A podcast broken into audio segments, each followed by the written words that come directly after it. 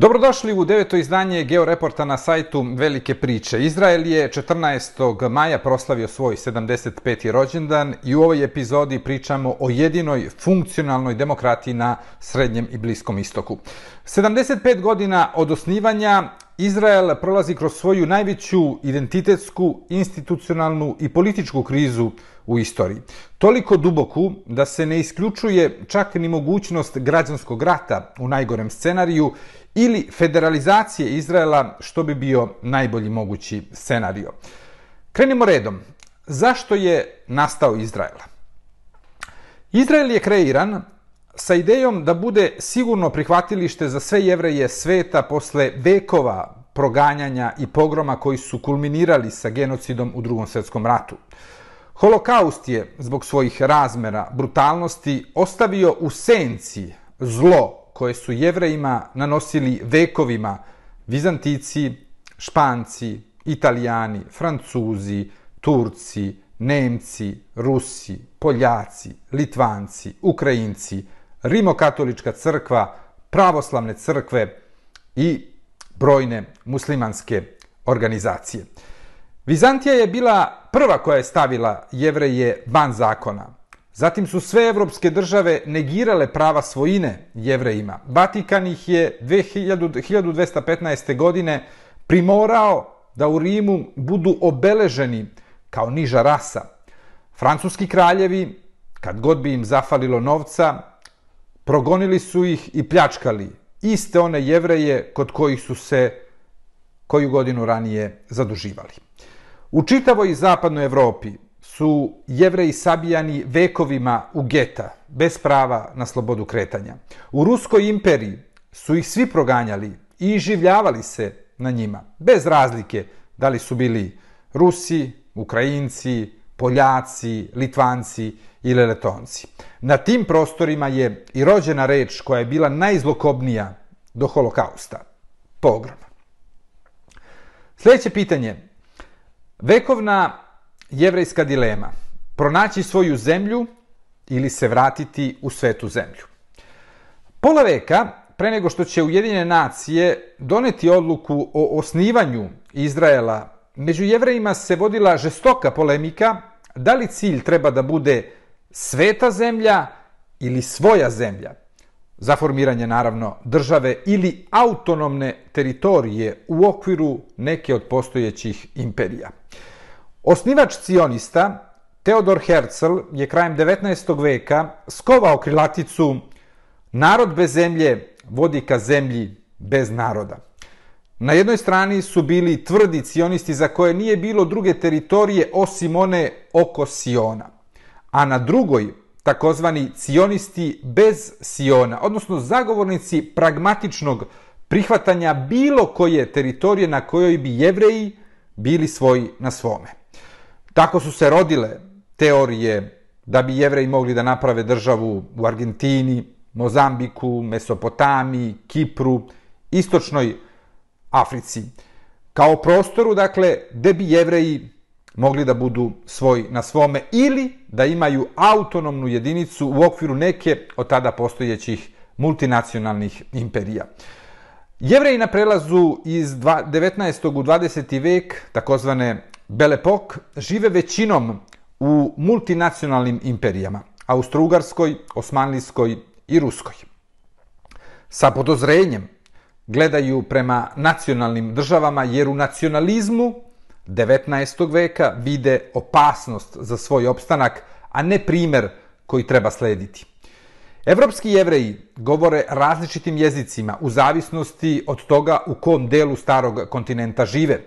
Vrlo malo njih upotrebljava hebrejski i dobar deo njih je integrisan u društvima gde žive i lojalni su državljani što se videlo u Prvom svetskom ratu u svim zemljama gde su živeli.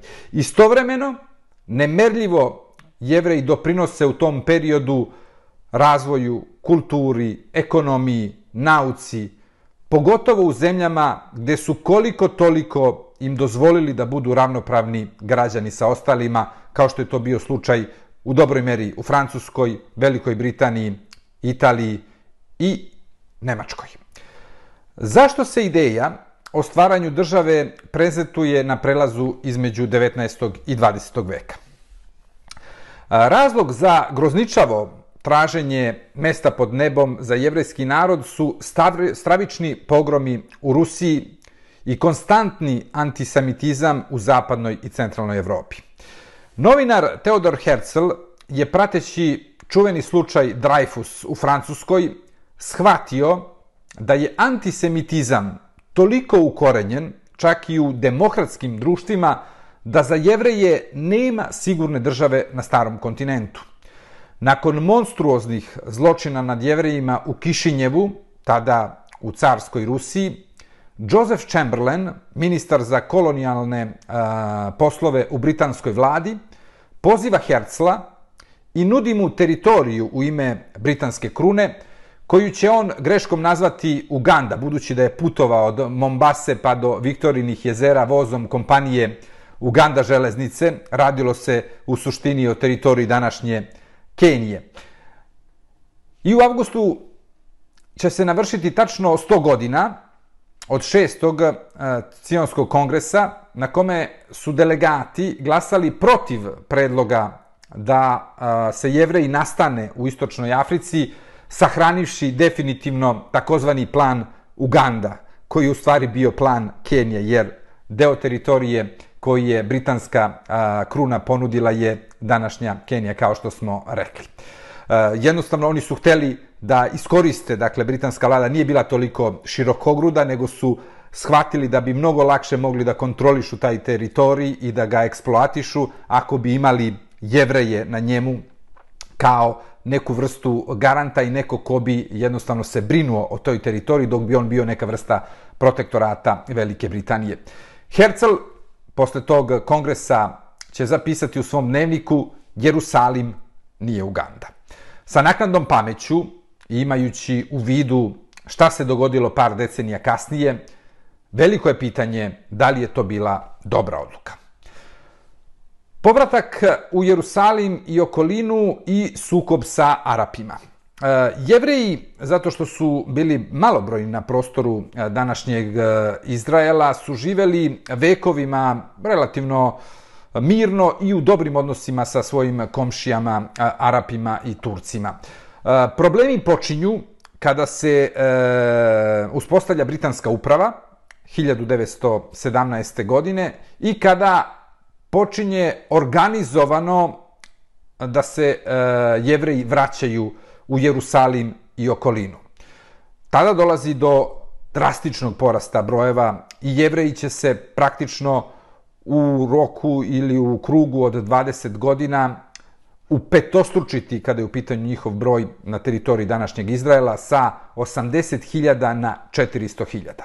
To je bio razlog arapske pobune 1936. godine Koreja je i raspršila snove da bi Arapi i Jevreji mogli da žive u miru i harmoniji zajedno u nekoj budućoj nezavisnoj državi. Posle dolaska, dakle, Britanaca u Palestinu e, i Balforove deklaracije kojom London podržava ideju da Palestina postane nacionalni dom jevreja, masovni e, povratak je neizbežno doveo do zaoštravanja odnosa s Arapima i kasnije do ustanka koji smo pomenuli, koji je trajao čak tri godine. U toku te pobune Britanci donose definitivnu odluku da naprave dve države, jednu jevrejsku i drugu palestinsku. Međutim, sionisti su kao i plan Uganda odbili taj predlog i tek deset godina kasnije, posle holokausta i posle drugog svetskog rata nevoljno će prihvatiti ponuđeno rešenje između ostalog i zato što je to bila odluka Ujedinjenih nacija. Kako se Izrael gradio kroz ratove i krize? U tek formiranom Izraelu 1948. godine bilo je oko 700.000 jevreja koji su međusobno bili toliko različiti da često ni u najboljoj veri nisu e, uspevali da se razumeju. E, čak ni kada su govorili isti jezik, jer su onda imali možda različite karaktere, različite naravi, jednostavno pod uticajem podneblja u kojem su vekovima živeli. E, sukob između dve formacije, levičarske Hagane, predvođene Ben Gurionom i desničarskog Irguna, koji je osnovao Vladimir Žabotinski, u kojem je e, nastradalo 16 jevreja i danas je velika rana u kolektivnoj memoriji Izraela i opomena za ono što bi moglo da se desi ako se spirala mržnje i dehumanizacija rivalskih grupa među jevrejima ne zaustavi. E, pre nego što je formalno postao država, Izrael je već vodio Eh, rat protiv sedam arapskih država, Saudijske Arabije, Egipta, Sirije, Iraka, Libana, Jemena i Jordana, plus palestinske gerilske formacije. I izašao je uprkos tom nepovoljnom uh, okruženju kao pobednik. Za Arape taj rat će ući u anale i dan danas će biti oslovljavan kao nagba, odnosno katastrofa.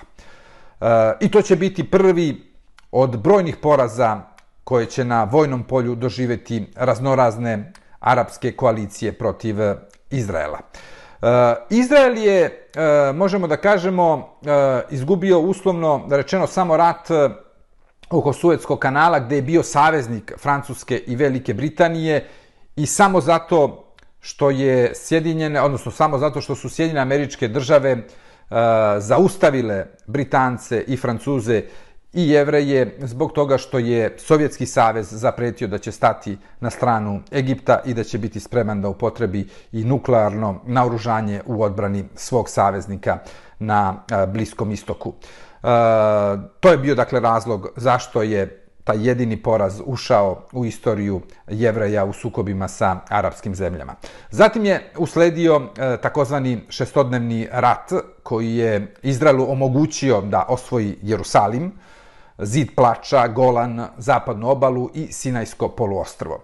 E, izraelskim jedinicama su komandovali tada harizmatični Moše Dajan sa povezom oko oka i budući premijer Jica Krabin i Ariel Sharon. I on će također kasnije postati premijer. Ostvarilo se, dakle, proročanstvo te 1967. godine tokom tih šest dana rata da će Jerusalimski zidovi pripasti onima koji budu znali da ih osvoje i jevreji Moše Dajana, Gica Karabina i Arijela Šarona su znali kako da ih osvoje. Između rata, za Suetski kanal i šestodnevnog rata, Mosadu je pošlo za rukom da otkrije Adolfa Eichmana, jednog od glavnih kreatora i realizatora holokausta, i da ga prebaci iz Argentine u Jerusalim, procesuira i osudi na smrt. Taj proces je bio ključan za shvatanje razmera genocida nad jevrejima u drugom svetskom ratu, ne samo u Izraelu, nego i u čitavom svetu. I to je do sada jedina, odnosno postojala je jedna smrtna presuda u Izraelu neposredno po osnivanju a, države zbog izdaje jednog e, izraelskog vojnika, ali u principu to je jedina presuda koja je praktično izrečena za ovih 75 godina.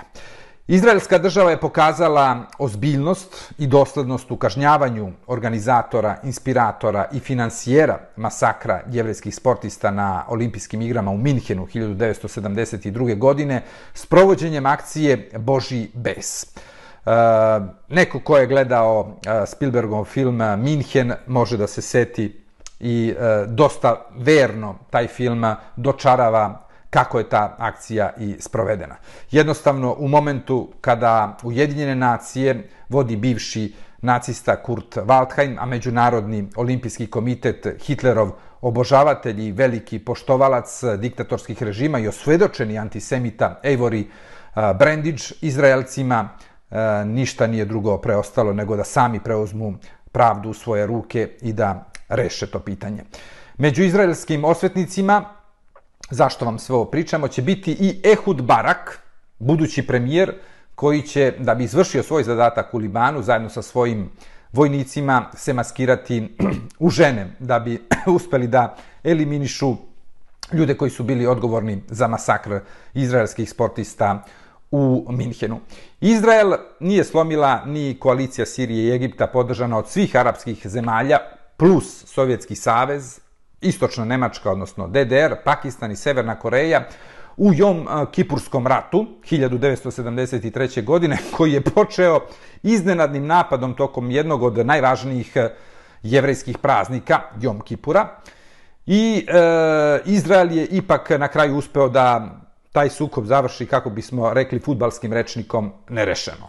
Izrael je živeo sa e, čitavim svetom i dramu e, otetog aviona u Entebi u Gandhi 1976. godine i spektakularnog oslobađanja 106 talaca u akciji u kojoj je izgubio život rođeni brat Netanjahua Joni.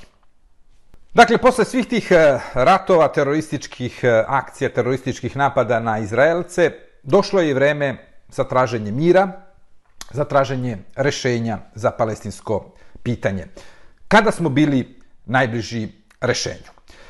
Od eh, kraja 70-ih eh, godina prošlog veka, pa sve do prve decenije novog milenijuma, se tražio dakle mir sa komšijama, okolnim arapskim zemljama i rešenje za palestince.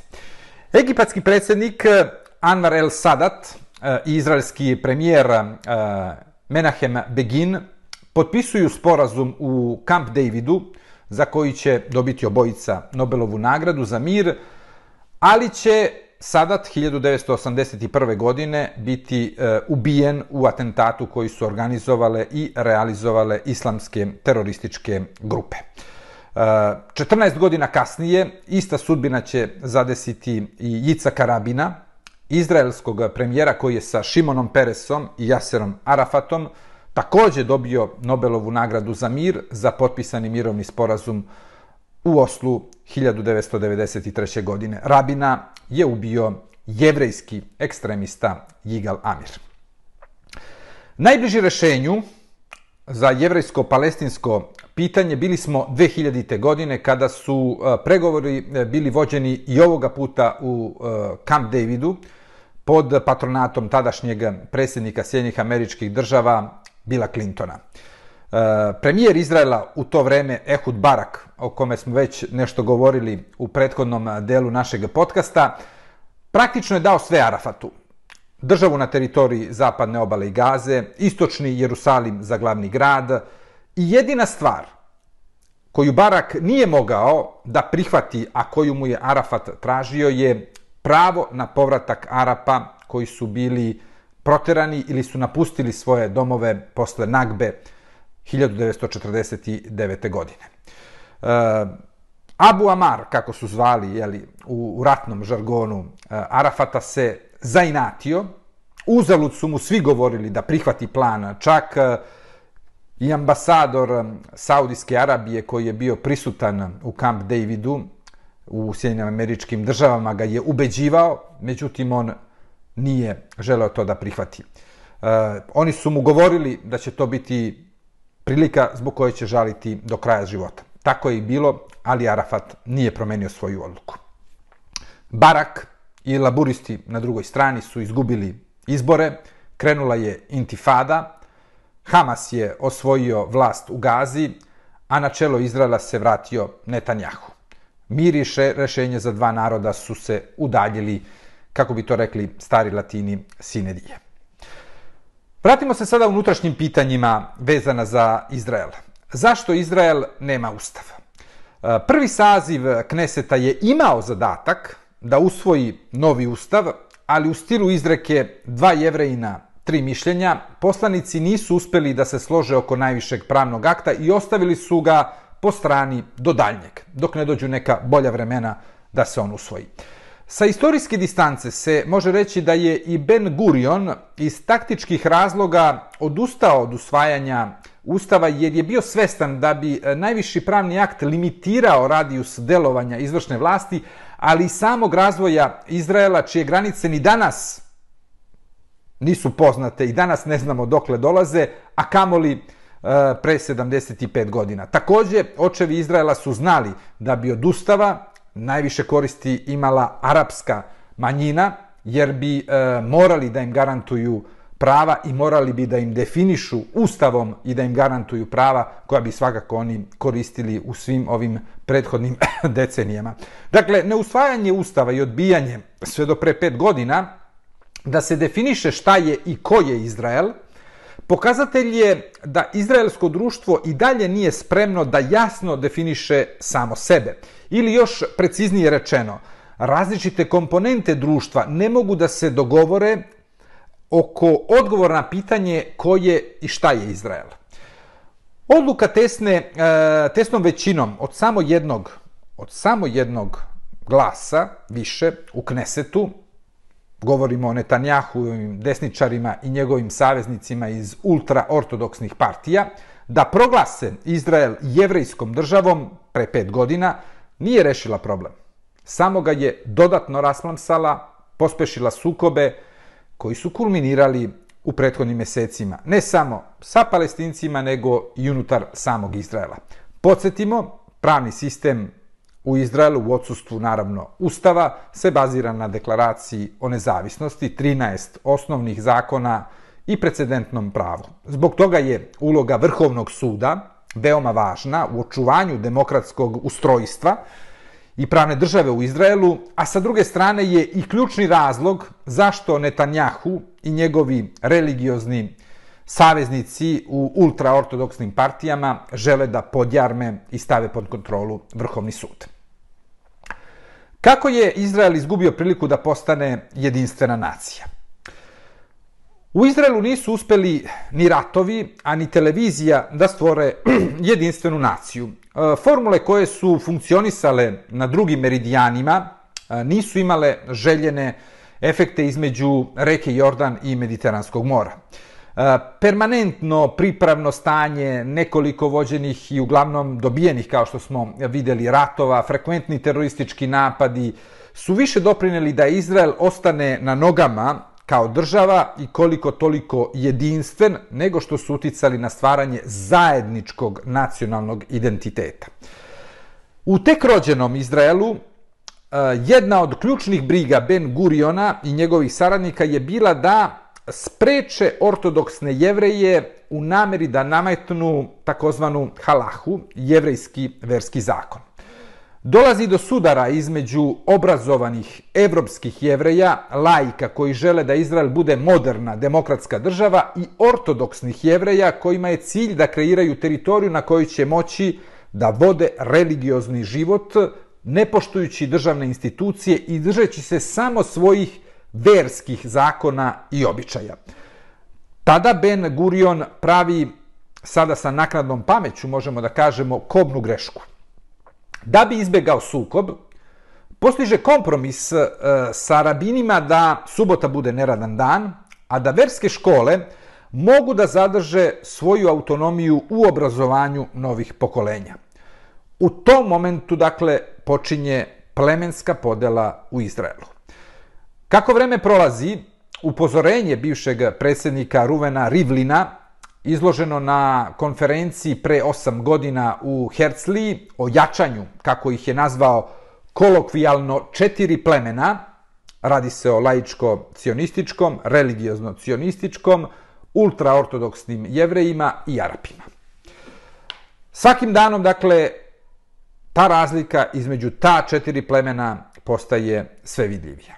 Rivlin je tada naglasio da je greška napravljena kada su upravo dozvoljena četiri različita obrazovna sistema koja su iznedrila četiri različita identiteta i stvorili preduslove za secesionizam unutar izraelske države koji će biti teško, čak nemoguće izbrisati u vremenu koje dolazi. Sve je donekle funkcionisalo relativno normalno dok je ovaj deo koji bi mogli da definišemo laičko-cionistički bio ubedljiva većina. Međutim, u posljednjih 20 godina je došlo do drastične demografske promene stanovništva, malo zbog useljavanja novih jevreja, uglavnom religioznih i, i ultraortodoksnih i pre svega e, u natalitetu između jevreja laika, koji je veoma nizak, i ultraortodoksnih jevreja koji imaju veoma visok natalitet.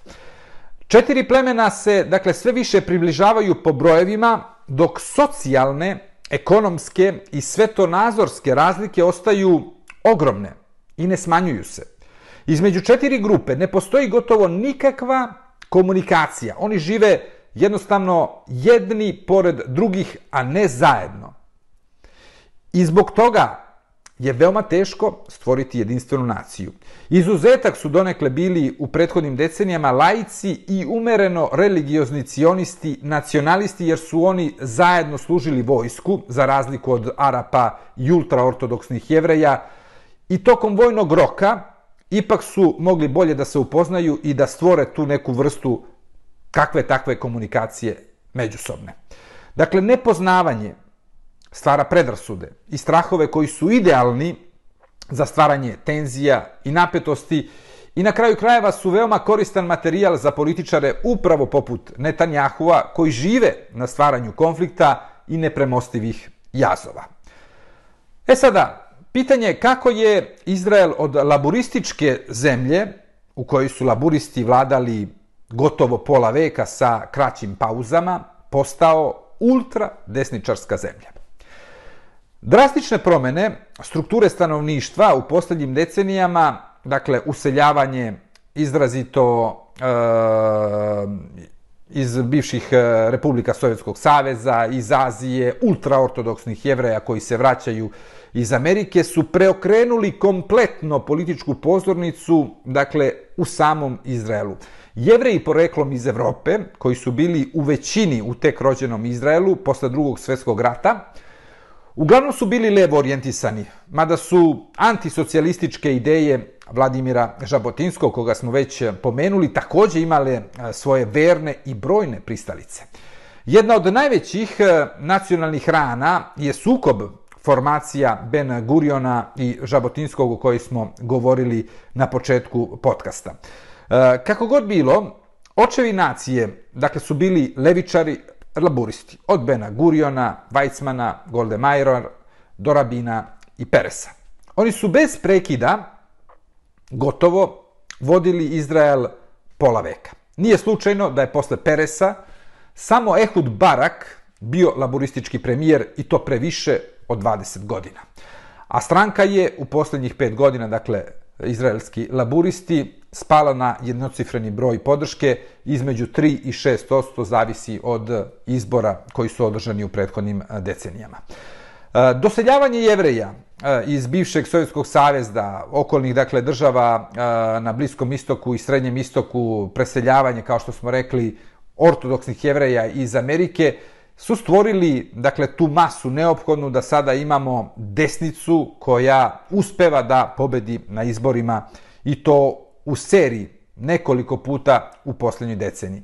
E, laici, jevrejci, e, laici i jevreji koji nisu vernici i pratikanti e, su i dalje, možemo da kažemo, najzastupljeniji u tom kolaču jevrejske, jevrejskog naroda, odnosno građana Izraela. Oni predstavljaju 38% stanovništva, ali je njihov problem što imaju veoma nizak natalitet u odnosu na sve ostale grupe. Tako da vreme, ako se nešto ne promeni kada je u pitanju njihov natalitet, ne radi za njih.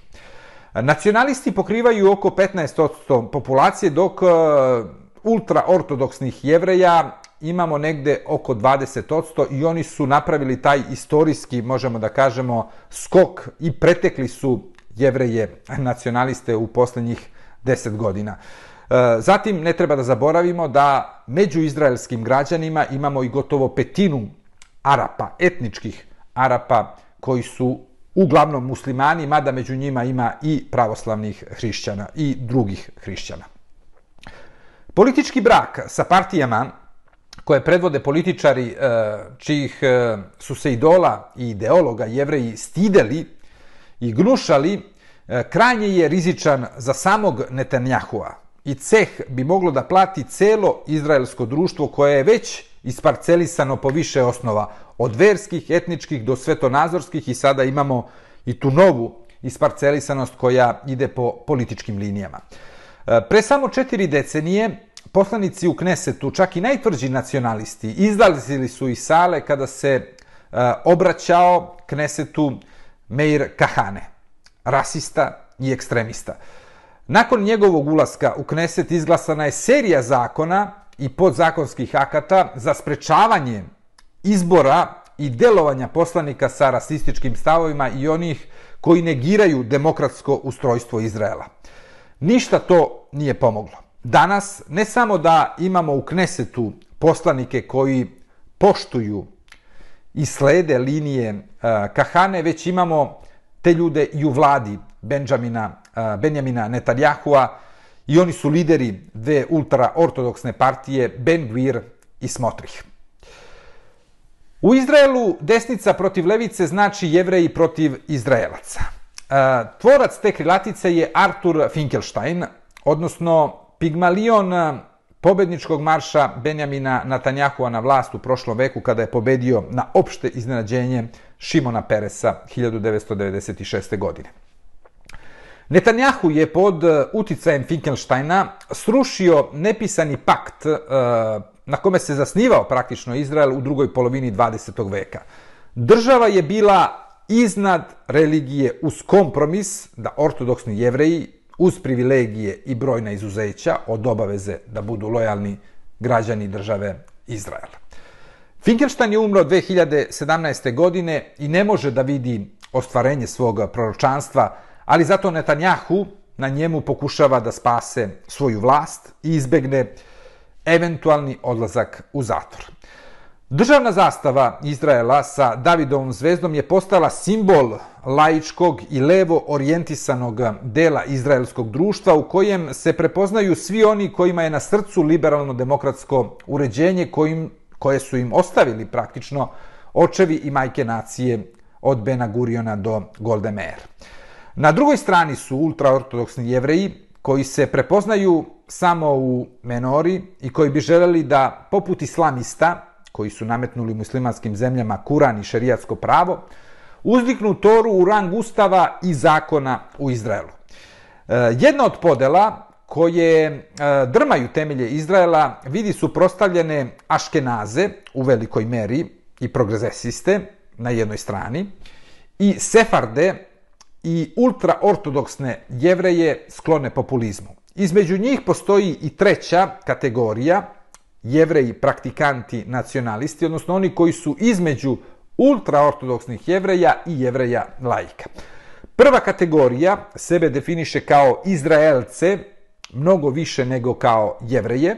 Druga je isključivo jevrejska, a treći su, dakle, nacionalisti sa duplim identitetom. Osećaju zastavu sa Davidom zvezdom kao svoju i vrlo blisku identitetsku, i prepoznaju se u Izraelu, ali su iznad svega jevreji. Da li je kasno za stvaranje jedne nacije, odnosno da li je rešenje napraviti federalni Izrael? E, najreprezentativniji umovi sva četiri plemena da upotrebimo formulu koju je e, iskoristio bivši predsjednik e, Rivlin, održali su brojne sastanke e, prethodnih godina raspravljajući o njegovom dosijeu, o Rivlinovom dosijeu iz 2015. godine s ciljem da e, reše odnose između uslovno rečeno podnacija. E, svi su svesni da je već odviše kasno da se radi na ponovnom ujedinjenju u jedan nacion i da je već odviše kasno e, da e, bi to moglo da bude uspešno i da treba pronaći dovoljno veliki, i to bi bilo mnogo bolje, i dovoljno komotni, možemo da kažemo, krov ispod koga bi svi mogli da stanu i da im bude udobno i dobro. Na taj način, barem se tako veruje, e, bila bi deaktivirana bomba interetničkog ili međuetničkog sukoba na srednji i dugi rok. Paralelno bi trebalo da se omogući deci iz ultra ortodoksnog i arapskog dela društva da imaju lakšu prohodnost ka srednjoškolskom i univerzitetskom obrazovanju sa nacionalnim programima. Primjera radi, u high-tech kompanijama radi tek 2 tek 2% Arapa i ultraortodoksnih jevreja i pored toga što jedni i drugi, kao što smo prethodno rekli, čine po petinu stanovništva Izraela, dakle zajedno ih je preko 40%, a zajedno u high-tech, dakle, kompanijama ne predstavljaju ni 4% zaposlene radne visokoobrazovane snage. Ideja da se kreira federalna država sa tri ili četiri kantona u kojoj bi svaki kanton uživao autonomiju, dok bi na državnom nivou ostala ministarstva odbrane, spoljne politike, e, monetarne politike i još par strateških e, e, važnih ministarstava. Kantoni bi bili napravljeni da predstavljaju praktično izrazitu većinu svake od četiri grupe, laici, nacionalisti, ultra-ortodoksni jevreji i Arapi. Svaki kanton bi e, zadržao veliki deo poreskog kolača od kojeg bi finansirao funkcionisanje kantona. Na taj način ultraortodoksni jevreji bi bili primorani konačno, konačno da rade, a zatim i da preispitaju i svoj odnos prema ženama, jer e, žene e, u društvu ultraortodoksnih jevreja možemo da kažemo možda imaju čak i gori položaj nego u radikalnim islamskim E, zajednicama. E, dok bi na drugoj strani, u Tel Avivu, e, verovatno imali novu, eksplo, novu eksploziju u pozitivnom, naravno, smislu razvoja i high-tech kompanija i uopšte čitavog društva, budući da su tu koncentrisane najumnije glave današnjeg Izraela i gde su E, mladi koji su okrenuti ka Evropi, ka Zapadu, veoma aktivni i koji su napravili od Tel Aviva grad koji živi 24 sata dnevno. Budućnost Izraela. Vrlo je verovatno e, da će se sa odlaskom sa političke scene Bibija Netanjahua formirati e, dva bloka među jevrejima. Na jednoj strani ultraortodoksni jevreji, dok će se laici i nacionalisti, među kojima još uvek dosta onih koji podržavaju Netanyahua, udružiti u odbrani Izraela koji su stvarali njihovi očevi i njihovi dedovi. Dakle, Izraela koji je slobodan, demokratski i evropski.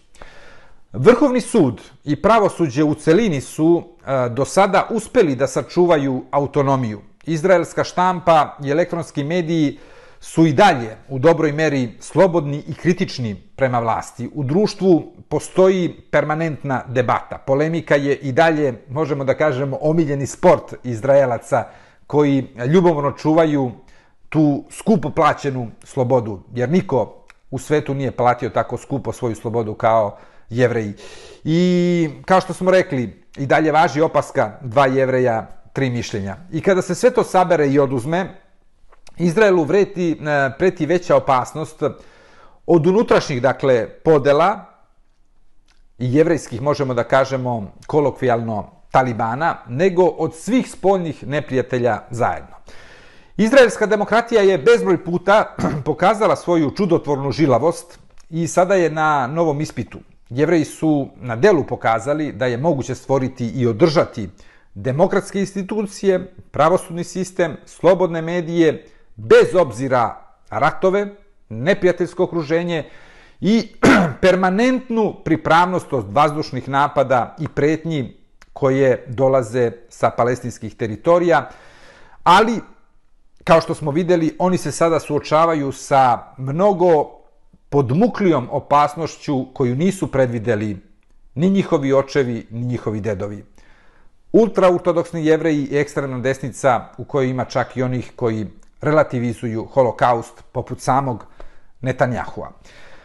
Da je prihvatio poraz pre e, par godina i izašao sa političke scene, Netanjahu bi ostao zapamćen kao najdugovečniji premijer kojem čak ni najljući neprijatelji ne bi mogli da ospore zasluge za prosperitet, modernizaciju i da je ostavio Izrael iza sebe bogati, sigurniji i u boljem okruženju nego što je ikada bio. Sve su to zaista bili uspesi koji su mogli da se pripišu vrlo lako Netanjahu do 2020. godine. Ali veliki državnici se razlikuju od bolesno ambicioznih i nepopravljivo egocentričnih političara po tome što znaju ili osete kada dođe vreme da se poklone i napuste pozornicu kao pobednici.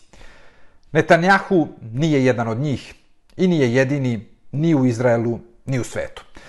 Toliko u ovom podcastu posvećenom Izraelu. U sljedećem ćemo se baviti temom koja je zbog nesrećnih događaja, zbog stravičnih događaja u Srbiji postala jedna od glavnih. A to je šta su evropske, šta su zapadne vrednosti i zbog čega ih u Srbiji toliko zloupotrebljavaju. Do gledanja.